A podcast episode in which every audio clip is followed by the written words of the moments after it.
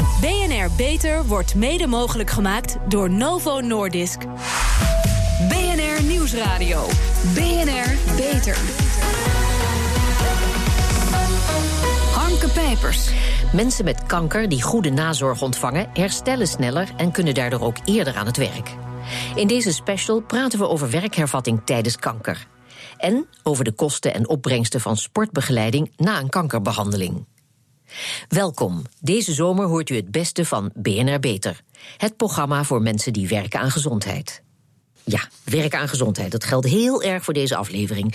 Mijn gasten, David Bruinvels en Thomas Reida, beide klinisch arbeidsgeneeskundigen gespecialiseerd in de oncologie, en Rachna van Hummel, directeur van Return, een organisatie gespecialiseerd in verzuim en reïntegratie bij kanker. Welkom. Mevrouw Van Hummel, ik begin met u, want u was hier vijf jaar geleden ook. U had toen een boek geschreven over hoe moeilijk het is om in je baan terug te komen na borstkanker. U bent uh, ervaringsdeskundige, want u kreeg in 2004, toen u zwanger was van, uw, van uw inmiddels 12 jaar oude dochter, de diagnose borstkanker. U verloor uw baan als consultant in de ICT en u ging scheiden. Maar inmiddels bent u directeur van, ja, is dat lachen? Maar inmiddels bent u directeur van Return, een bedrijf dat werkgevers en werknemers begeleidt in het reïntegreren naar kanker en heeft u 18 medewerkers. Kortom, ik ben buiten adem ervan, maar mijn bewondering is groot. Vertel, dat bedrijf, was dat ook een manier om uw eigen reïntegratievorm te geven? Bijvoorbeeld omdat u geen baan kon vinden? Nou, het is wel een manier geweest om te verwerken wat ik had meegemaakt. Ja, zonder meer. Dus ik ben het eigenlijk gaan onderzoeken vanuit mijn eigen ervaring en uh, het inzicht uh, dat uh, nog mijn werkgever, nog ik eigenlijk wisten wat ons te doen stond. Mm -hmm. En aldoende kwamen er steeds meer mensen op mijn pad, omdat ik ook vrijwilliger was bij de borstkankervereniging. Die zeiden: joh jij weet hier nu wat van. Kun je mij niet ook helpen? En nou ja, lang verhaal kort, dat is in acht jaar tijd uh, Return geworden nu. Ja. ja. En Return, uh, hoe werkt dat, die begeleiding bij reïntegratie? Hoe pakt u dat aan en hoe succesvol bent u daarin? Nou ja, wij kijken wat heb je nodig om je herstel te ondersteunen. En daar hoort ook bij beweging en, en psychosociale ondersteuning. En vervolgens, wat heb je nodig om aan het werk te kunnen zijn? En dat kan al zijn tijdens de behandelingen, maar ook erna. En dat doen we niet alleen met een werknemer, maar ook met de werkgever. Dus ook mm -hmm. die krijgt die support. En ik denk dat we er uh, nou ja, succesvol in zijn. Dat weet ik eigenlijk wel zeker. We besparen in elk geval verzuim zeker 10 tot 12 weken gemiddeld. Hangt natuurlijk erg vanaf wanneer wij instappen. Uh, maar mensen zijn ook heel tevreden over de begeleiding. En dat doet natuurlijk ook iets met kwaliteit van leven en de mate van reïntegratie. Ja, u bent nuttig. Maar goed, we zijn inmiddels zoveel jaar verder. Waarin schiet de huidige praktijk tekort? Nou, ik denk dat een van de allerbelangrijkste knelpunten is dat er vaak pas heel laat begeleiding op gang komt. Hè. Dus er is misschien wel geschikte begeleiding voor handen, maar die wordt kennelijk niet op tijd gevonden of ingezet. En uh, ik zou heel graag zien, dat is ook onze grootste uitdaging in de praktijk, uh, dat er veel eerder ingegrepen wordt. Ja, maar meneer Bruinvels, inmiddels hebben we de BACO, de bedrijfsarts consulent oncologie. Um, is dat de oplossing? Het is misschien niet de oplossing, maar het is wel een mooie tussenoplossing. Het, mm -hmm. uh, het idee van een bedrijfsarts oncologie is dat je uh, ja, bedrijfsartsen die ja, wat ge, uh, geïnteresseerd zijn in, in de oncologische patiënten, ja, in, in een jaar eigenlijk bijschoot om daar uh, ja, wat betere zorg aan te besteden. Een beetje vergelijkbaar met bijvoorbeeld de kaderopleidingen die uh, huisartsen ook kunnen krijgen. En het idee is dat ze daarmee eigenlijk een beetje een brug kunnen zijn tussen de kliniek, waar de oncoloog en de chirurg, et cetera, zitten, mm -hmm. en de, de arbozorg. Ja, en, en er zijn er 65 opgeleid, hè? Ja, ongeveer 65 opgeleid. Ja. Um, ja, het is natuurlijk wel zo dat uh, niet al deze 65 uiteindelijk uh, ja, fulltime als bedrijfsartsconsulenten werken. Ik denk dat een, ja, pak een beet, 20, 25 van deze collega's uh, ja, toch wel een significant deel van de week uh, aan, aan, aan kanker en werk besteden. En dan denk dat ik is aan, heel weinig, maar 20. Ja, het kan natuurlijk altijd meer, dat ben ik met u eens. Ja, want hoe functioneert het nou in, functioneert het nou in de praktijk? Weet men, weten partijen elkaar te vinden? Nou, op zich, de, de bedrijfsartsconsulent staat bijvoorbeeld in de verwijsgids van het, het IKNL. En dat is een -hmm. gids speciaal voor patiënten en zorgverleners, waar ze sowieso alle verwijzers in kunnen vinden. En uh, het tweede is dat inmiddels ook steeds meer ziekenhuizen, maar ook uh, revalidatiecentra, waar oncologische patiënten uh. vaak na de behandeling terechtkomen, ja, weten van het bestaan van deze groep bedrijfsartsconsulenten. mevrouw Hummel, heeft u de ervaring dat deze mensen, deze bako's, voldoende worden ingeschakeld? Uh, nee, ik denk dat ze nog veel te beperkt worden ingeschakeld. Ja. Meneer Rijda, waar, waar, ligt het aan dat deze in oncologie gespecialiseerde bedrijfsartsen in de praktijk niet of, of, of nauwelijks worden ingeschakeld, heb ik begrepen. Nou ja, het, probleem is dat er eigenlijk uh, wel financiering was voor studies waarin de, die bedrijfsartsconsulent uh, zeg maar uitgetest is op zijn gunstige effecten. En die studies uh, die, die zijn heel gunstig verlopen. Mm -hmm. Maar daarna de zorginbedding die wel bedoeld was, eigenlijk ja, uit is gebleven. Er is geen financiering in de zorg. En dan ben je of afhankelijk van een werkgever die er een keer voor wil betalen. Of op een andere manier uh, zou het dan gefinancierd kunnen worden. En dat is tot nu toe wel een probleem, dus het is een drempel. Ja. Er zijn niet genoeg zeg maar, gefinancierde werkplekken voor deze mensen. Ja, nou, dat is dan mooi, want uh, dat betekent dus ook dat de specialist daar niet, zijn patiënt daar niet aan kan verwijzen. Ja, lastig. Want als je verwijst naar iemand die niet gefinancierd wordt, dan zegt de patiënt tegen je van ja, maar ik krijg nu rekeningen, wat moet ik daarmee? Dat is, dat is, dus ja, dat is een probleem. Ja. En er zijn wel bedrijfsartsconsulenten die het soms gratis doen, maar dat is uiteindelijk in de zorg niet de bedoeling, lijkt mij. Dus, ja. ja. Nou ging ik ook nog uit van het feit dat er specialisten zijn, nou die zijn er, uh, die de bako weten te vinden en van zijn bestaan op de hoogte uh, zijn. Maar dat zijn lang niet alle specialisten, heb ik begrepen. Hè? Nee, ik denk dat dat inderdaad nog wel eh, een stuk beter is. Hoewel ik wel mee eens ben dat het in verwijsgietsen nu meer en meer goed genoemd wordt. En ja, er zijn wel partijen die, die daar toch structureel gebruik van maken. Maar dat zijn nog wel eilandjes in Nederland. Ja. Mevrouw Van Hummel, hoe zijn die bedrijfsartsen dan georganiseerd? Nou ja, op dit moment is uh, uh, de bedrijfsarts een, een, arts die niet onder uh, de zorgverzekeringen valt. Mm -hmm. um, en dus geacht worden hun eigen broek op te houden. En vaak verbonden zijn aan arbodiensten.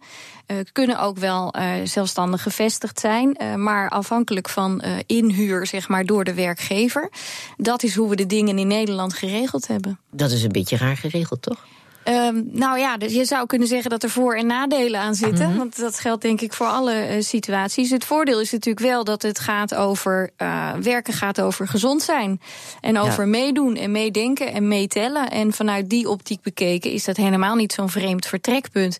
Um, wat er lastig aan is, is dat de toegang tot de bedrijfsarts daarmee soms ook beperkt is. Dus dat er groepen mensen zijn die helemaal nooit een bedrijfsarts zien. Laat staan een gespecialiseerde bedrijfsarts. Nou, daar kunnen we wel iets van vinden met z'n allen. Ja. Uh, en datzelfde geldt bijvoorbeeld voor het krijgen van een second opinion. Hè, als mm -hmm. je het niet eens bent met je bedrijfsarts en toch graag een specialist zou willen zien. Ja. Maar goed, um, er zijn in dit geval, um, in het geval van de diagnose kanker, natuurlijk nog een heleboel andere aannames die ook een grote rol spelen. Hè? Want um, ik heb begrepen dat het nog steeds zo is dat je met de diagnose kanker toch verondersteld wordt nauwelijks meer aan het werk te komen.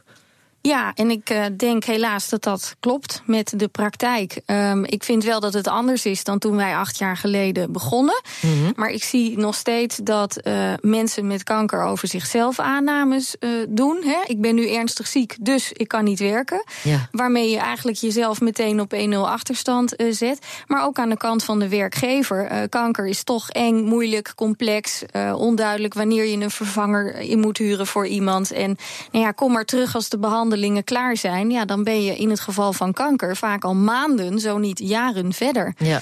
En, en on ondertussen raak je je baan kwijt. Ja, want uh, onze wetgeving hierover die gaat niet over ziek zijn, maar over verzuim. En dat is de wetverbetering Poortwachter. Ja. ja, dat is een klokje dat tikt. En die tikt maximaal twee jaar. En daarna komt er toch echt een beoordeling. En daarbij maakt het niet uit of je verzuimt als gevolg van een gebroken been of als gevolg van kanker. Ja. Uh, meneer Bruinvels, minister Ascher kondigde in 2015 maatregelen aan hè, om het werken met kanker makkelijker te maken.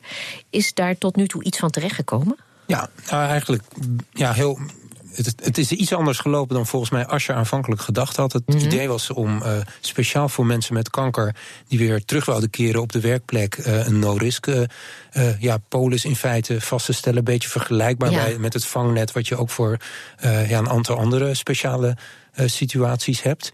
Ja, um, het idee, idee.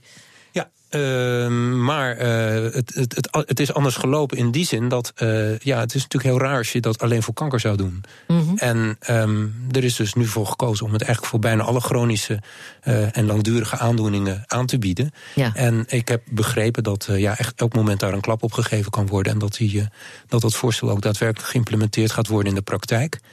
En ik denk dat dat een, ja, een enorme push is. Niet alleen voor werkgevers, want dat betekent dat die twee jaar in feite zonder risico uh, of tenminste ook, ook, mensen makkelijk zonder risico kunnen inhuren en een baan kunnen aanbieden. En als deze uitvallen, kunnen ze van vangnet gebruik maken vanuit de ziekte, ziektewet. Maar aan de andere kant ook voor werknemers die, of potentiële werknemers die geïnteresseerd zijn om te gaan werken. Hmm. ja, die weten in ieder geval dat ze ja, meer kans maken bij een sollicitatie. Dus ik denk dat de twee kanten op heel, heel goed zou kunnen werken. En ik ben ook heel benieuwd of het inderdaad zo uitpakt zoals ja, nu, nu ontworpen is in feite. Ja. ja. Mevrouw Van Hummel, is mooi nieuws, hè? Ja, dat op zich oh, wel. Of u wist het al? Ik wist dit toevallig al. Nee, ik wist Geheel het niet toevallig. um, en ik hoop eigenlijk op nog een heel mooi ander neveneffect. Uh, we zien namelijk nu dat mensen met tijdelijke contracten... of flexwerk, nul uren contracten...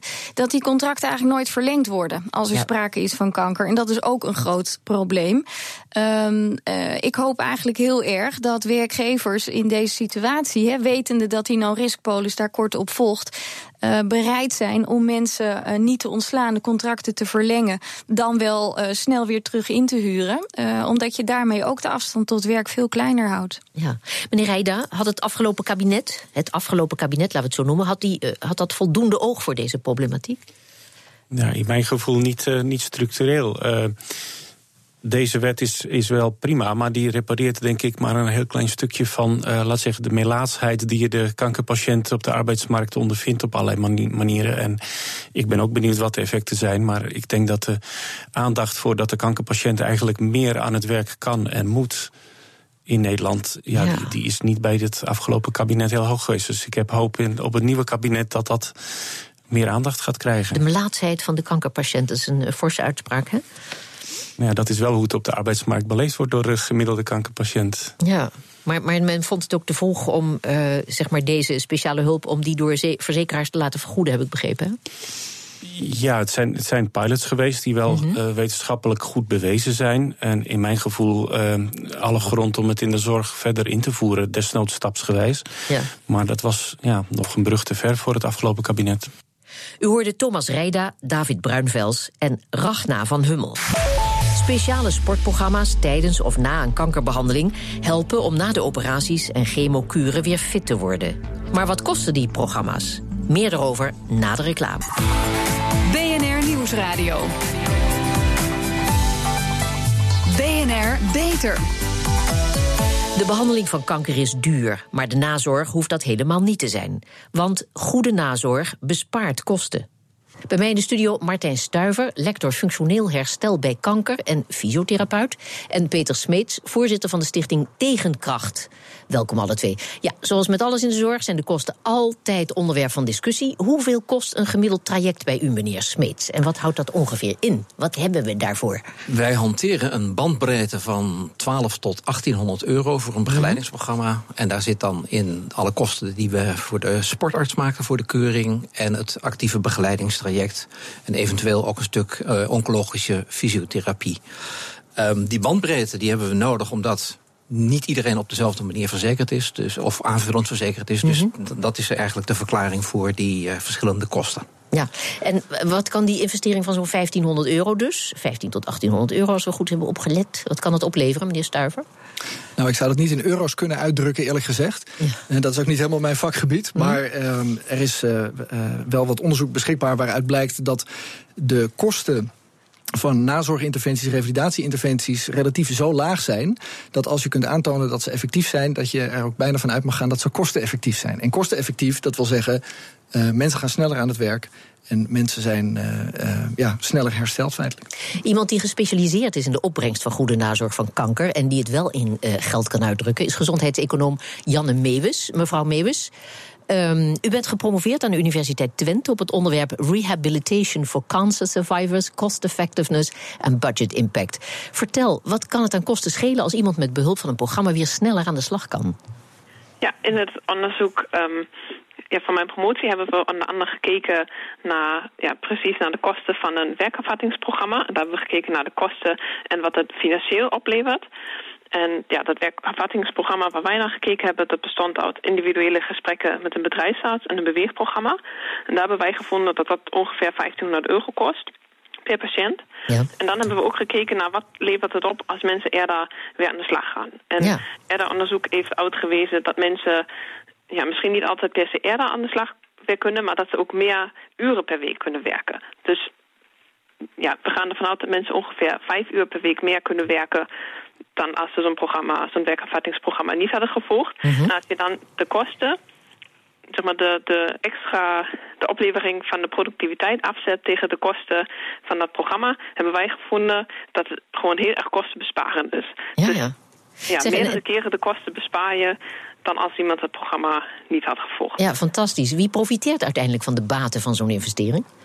Ja, in de, eerste plaats is er natuurlijk ook de patiënt zelf. Ja. Maar als het, als het daarom om mensen gaat die werken, dan zie je natuurlijk ook dat het ook de werkgevers zijn die daar natuurlijk heel veel aan hebben. Want ja, hun werknemers die kunnen gewoon ja, of meer uren aan de slag of eerder weer aan de slag. Ja, nou heeft u het eh, in uw proefschrift over de negatieve prikkels voor de betrokken stakeholders in het financieren van interventies. Eh, waar, doet, waar doelt u precies op? Ehm, ja, wij hebben gewoon gekeken wie, ja, wie heeft er baat van als de patiënten zo'n werkervattingsprogramma volgen en wie, wie moet het betalen.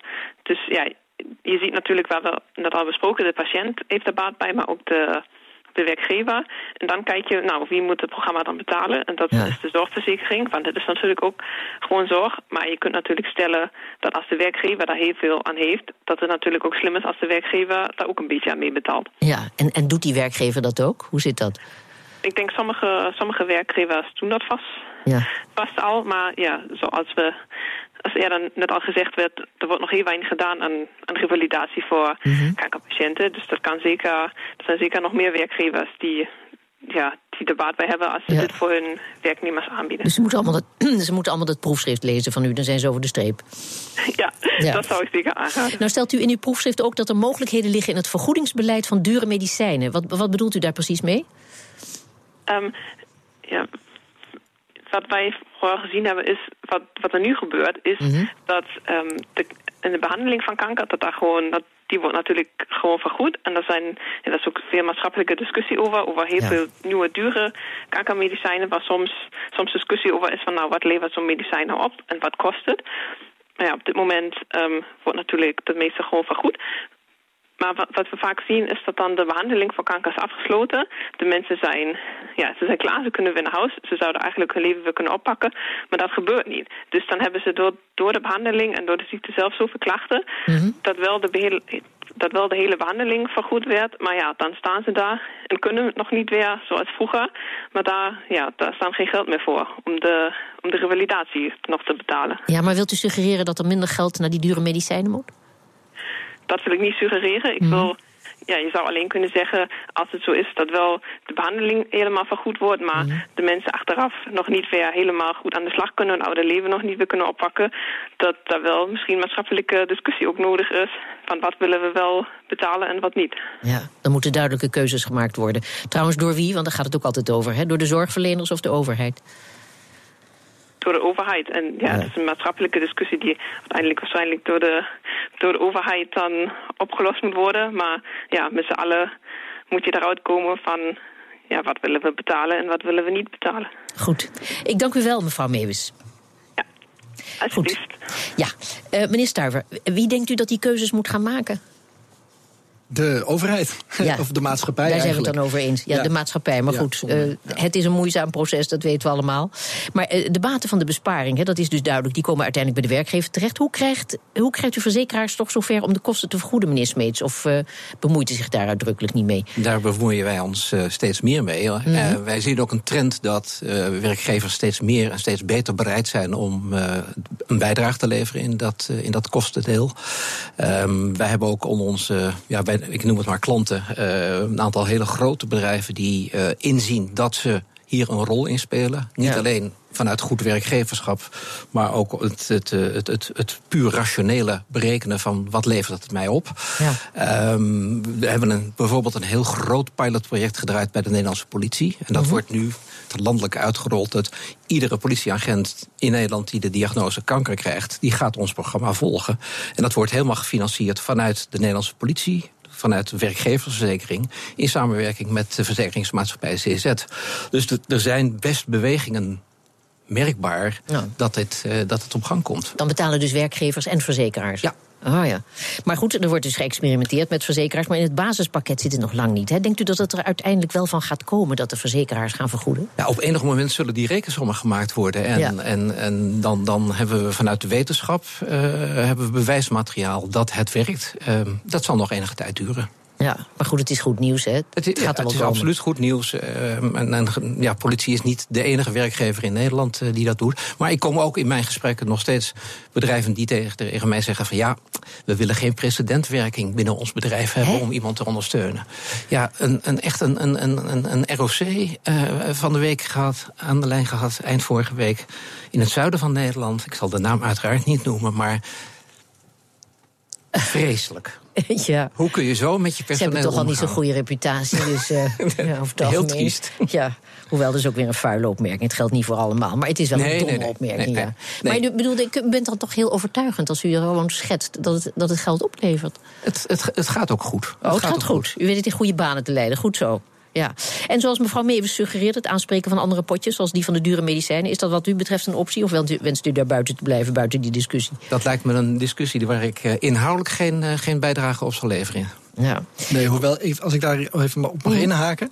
Um, ik, ik wil ook niet in die discussie treden, maar ik denk wel als je uh, in termen van baten alleen maar praten over geld. Dat is wel een hele uh, nauwe manier om te kijken naar de baten van revalidatie en nazorg. En uh, de kosten die het programma van meneer Smeets. waar, dan praten we over 1500 euro. Een trainingsprogramma tijdens chemotherapie, dan heb je het over 750 euro. Dat valt zo in het niet bij de kosten van de medische behandeling. Dat je je ja. kunt afvragen als we zoveel geld besteden aan het wegkrijgen van de kanker. maar we maken mensen daarmee feitelijk heel ziek hoort er dan ook ja. niet bij het pakket om mensen weer fit en uh, actief te krijgen. Ja. En, en die maatschappelijke kosten die zijn dan uh, veel te groot. Nog even over Onconet. En uh, het zat u dwars dat u dat niet heeft, heeft kunnen uitleggen. En ik zei, nou ja, ik begrijp het, Onconet is natuurlijk een vorm van e-health. Nee, dat is het dus niet. Moet u nou dus even uitleggen. U ja. heeft nu een gelegenheid. Dank u wel. Nou, de reden waarom ik Onconet even noem... is omdat als je de, uh, de vraag stelt... wie moet nou uiteindelijk de keuze maken in wie welke zorg krijgt... dan ligt er ook wel degelijk een verantwoordelijkheid bij de zorgverleners... om te laten zien dat ze zuinig en zinnige zorg leveren. Ja. Dat het ergens toe leidt. En wat we met uh, Onconet is een stichting. Wat we met Onconet proberen te doen, is uh, inzichtelijk maken welke fysiotherapeuten goede zorg leveren voor patiënten die fit willen blijven of weer fit willen worden. En we proberen ook een actieve bijdrage aan te leveren door die fysiotherapeuten continu te scholen. En wij zijn zeker niet het enige initiatief wat op dit gebied uh, gebeurt. Ik noemde al even het register van de psychosociale zorg. Ja. Um, ik denk dat het heel goed is om te zien dat er binnen de ondersteunende zorg heel veel van dit soort initiatieven zijn. En de vraag is een beetje of nu beleidsmakers dat gaan oppikken. En ook gaan zeggen: oké, okay, als we kennelijk kunnen aanwijzen wat, hoe goed de zorg er dan uitziet, of hoe dat is georganiseerd, ja, dan moeten wij van onze kant ook iets doen om dat uh, toegankelijk te maken voor patiënten. Ja, en, en dat het vooral ook wat breder getrokken moet worden. Dat het dus niet alleen gaat om bewegen, maar ook gezond eten, psychische hulp. Uh, het moet een totaalpakket worden. Zeker. Ja. ja. Um, kanker wordt steeds meer een chronische ziekte, dat zei we al. Kunnen we nog zonder die extra ondersteuning? Zonder de extra ondersteuning van de, uh, de nazorg en de revalidatie? Ja, ja. Nee, dat denk ik beslist niet. Um, ik, mensen die moeten soms jaren door met ziekte. En ook als mensen ja. uitgezaaide ziekte hebben, dus feitelijk niet meer genezen kunnen worden, dan nog zijn er een aantal kankers waarmee mensen jaren uh, doorleven. Uh, je kunt moeilijk zeggen, uh, nou, we hebben de kanker weg, of we krijgen de kanker niet weg, maar we behandelen u wel. En met alle bijeffecten moeten we maar, uh, moet maar zien hoe u dat oplost. Ja. Dus ja, wat ik eigenlijk net ook al zei, ik denk je moet die nazorg en die revalidatie zien als een standaard onderdeel van het hele oncologisch behandelpakket. En CVZ en Zin zien dat ook zo. Ja. Alleen de vraag is hoe organiseer je dat efficiënt? En is er iets bekend, want dat gaat ongetwijfeld ook onderzocht worden, uh, zeg maar, uh, op de uh, over de invloed van deze therapie op de overleving voor mensen die nog. Ja, zeker. Daar is best wat onderzoek over beschikbaar. Dat is heel ja. moeilijk onderzoek om te doen natuurlijk. Want je ja, praat daar heb je veel tijd voor nodig. Veel tijd, ja. observationeel onderzoek. Mm -hmm. Maar um, alles wat we tot nu toe zien, is, wijst eigenlijk heel consequent in de richting dat voor een aantal tumoren de overleving beter is voor mensen die actiever zijn dan voor mensen die niet actiever zijn. En het moeilijke is dat je niet altijd kunt zeggen dat komt door het bewegen. Maar wat we weten uit uh, het ontstaan van kanker, waarbij ook voor een aantal tumoren heel uh, overtuigend is aangetoond dat daar een oorzakelijk gevolg zit tussen de hoeveelheid lichaamsbeweging die iemand heeft en het krijgen van kanker. En dat is voor een aantal tumoren heel duidelijk, voor heel veel ook niet hoor. Ehm, maar die mechanismen die zijn zo overtuigend dat je toch wel kunt stellen dat, uh, denk ik, dat je de survival daarmee verbetert. Goed, het is een investering die meer dan de moeite waard is, zowel materieel als immaterieel. Dat mogen duidelijk zijn. Hartelijk dank, Martijn Stuiver, lector functioneel herstel bij kanker en fysiotherapeut. En Peter Smeets, voorzitter van de stichting Tegenkracht. Een glas cola helpt tegen reizigersdiarree en buikgriep. Maar is dat wel zo? Redacteur Ivan Verrips zocht het uit. We spraken erover met Yvette Bruinsma van de Maag-Darm-Leverstichting. Is cola goed voor je als je buikgriep hebt? Het is wel zo dat bij bepaalde vormen van reizigersdiarree... en dat is dan vaak hè, mensen die diarree oplopen in het buitenland... als gevolg van een voedselinfectie... dat die mogelijk baat zouden kunnen hebben bij cola. En hoe zit dat eigenlijk met brandend maagzuur? Dan is suiker toch goed voor je? Ik heb ook wat ja, nog even gelezen dat de, bijvoorbeeld de GGD's... Die, uh, die adviseren bij reizigersdiarree eigenlijk ook om ORS te nemen... en niet om cola te nemen. Maar... Uh, ja, het is wel zo dat sommige mensen die nemen cola en hebben toch het idee dat het wel helpt. Maar dat is dan eigenlijk meer gebaseerd op de ervaringen dan dat het echt wetenschappelijk bewezen is. Dus deze goede ervaringen zijn toeval? Dat kan dus niet heel erg goed verklaard worden, want... Um, nou, ik had toevallig even nog een stuk gelezen, wat een, een, artikel wat op het NRC heeft gestaan, waarin ook een aantal uh, MDL-artsen hun mening daarover geven. En uh, daar wordt ook inderdaad wel gezegd van er zitten in cola zitten um, nou ja, ingrediënten als mineralen en suikers die zouden eventueel kunnen werken tegen uitdroging. Maar ja, dat is, dat is maar een, hè, dat is een idee, maar dan kan ook net zo goed een ORS uh, helpen om, uh, om dat zeg maar tegen te gaan, die uitdroging. En dat wordt als advies gegeven mm -hmm. hè, door bijvoorbeeld een GGD als je op reis gaat. En cola helpt dus ook niet als preventief middel als je op vakantie bent? Dat is dus de vraag. Er is geen bewijs voor. Kennelijk zijn er toch mensen die denken dat het wel helpt. En misschien is dat dan ook iets wat tussen de oren zit. Hè, het zogenoemde placebo-effect. Waardoor mensen dus denken van nou, als ik cola neem dan krijg ik geen last van mijn darmen. En ja, wellicht kan dat inderdaad helpen. Maar dat zou dan misschien meer psychisch zijn dan dat het echt, dat dat echt bewezen is. Of dat, dat je dat echt kunt verklaren. Dus of cola goed is tegen buikpijn is geen wetenschappelijk feit, maar een fabel. Ja, dus liever wat ORS meenemen op vakantie dus. Tot zover deze zomerspecial van BNR Beter. Op bnr.nl slash beter is deze uitzending terug te luisteren. En we zijn ook op Twitter te vinden onder BNR Lifestyle. Dus heeft u tips voor ons? Laat het ons weten. Ik ben Harmke Pijpers. Graag tot een volgend spreekuur. BNR Beter wordt mede mogelijk gemaakt door Novo Nordisk.